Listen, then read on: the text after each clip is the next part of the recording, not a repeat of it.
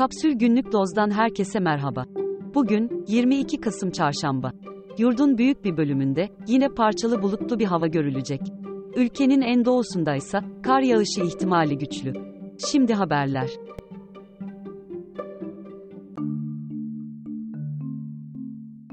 İstanbul'da 100 metrekare bir konutun ortalama kirası 17 bin lirayı geçti. Asgari ücretli bir çalışan, bu ortalama kiranın %67'sini karşılayabiliyor.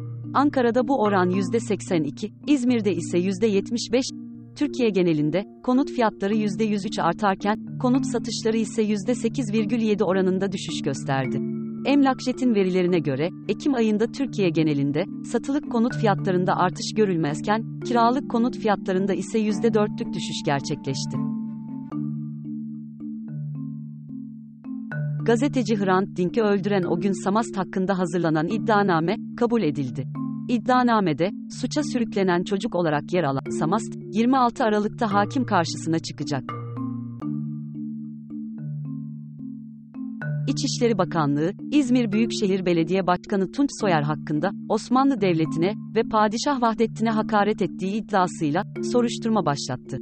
Soyer, sözlerinin nutuktan alıntı olduğunu hatırlatarak, her sözünün arkasında olduğunu söyledi.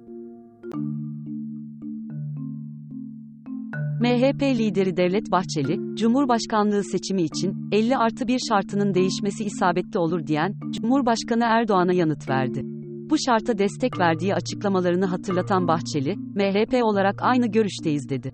Cumhur İttifakı'nın bozulmayacağını belirten Bahçeli, şöyle devam etti. Hiç kimse Cumhurbaşkanımız ile aramıza giremeyecektir.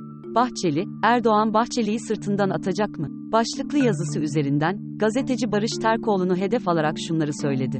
Bazı zeka özürlülerin sorundan bahsetmeleri alçak bir teşebbüstür. Terkoğlu'nun yanıtı şöyle. Ankara'nın ortasında bir torbacıya ya da Şişli'de yaşı 18 olmamış bir tetikçiye vurdurmadığınız sürece bırakın tartışalım.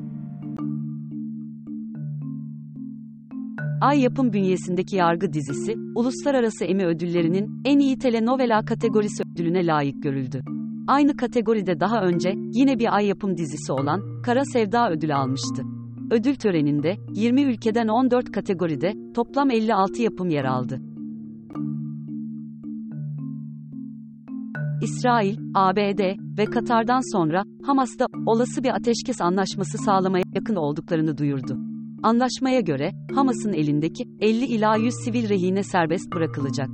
Bunun karşılığında ise İsrail cezaevlerinde tutuklu bulunan 300 kadar kadın ve çocuk salı verilecek. Olası ateşkes anlaşmasının süresi henüz belirlenmedi. Güney Afrika lideri Cyril Ramaphosa, İsrail'i Gazze'de soykırım yapmakla suçladı. Lübnan merkezli El Meyadin'de görev yapan iki gazetecinin İsrail saldırılarında öldürüldüğü açıklandı. 7 Ekim'den beri görev başında hayatını kaybeden gazetecilerin sayısı ise 50'yi geçti. Elon Musk'ın sahibi olduğu X, ABD merkezli medya izleme ve araştırma merkezi Mediameters'a dava açtı. Gerekçe ise X'te reklam boykotlarına neden olan antisemitizm analizi. İddianamede söz konusu merkezin X'i yok etmek amacıyla verileri manipüle ettiği savı yer alıyor. Media Matters ise Elon Musk'ı zorbalık yapmakla suçladı ve kendilerine karşı açılacak her türlü davayı kazanacaklarını duyurdu. Steam, daha önce duyurduğu gibi, Türk lirası ile oyun satmaya resmen son verdi. Artık platform üzerinden, Türkiye'den sadece dolarla alışveriş yapılabilecek. Steam'in dolara dönmesiyle birlikte, çoğu oyunun Türkiye fiyatına da otomatik olarak zam geldi. Daha fazlası için kapsül.com.tr adresini ziyaret edebilirsiniz.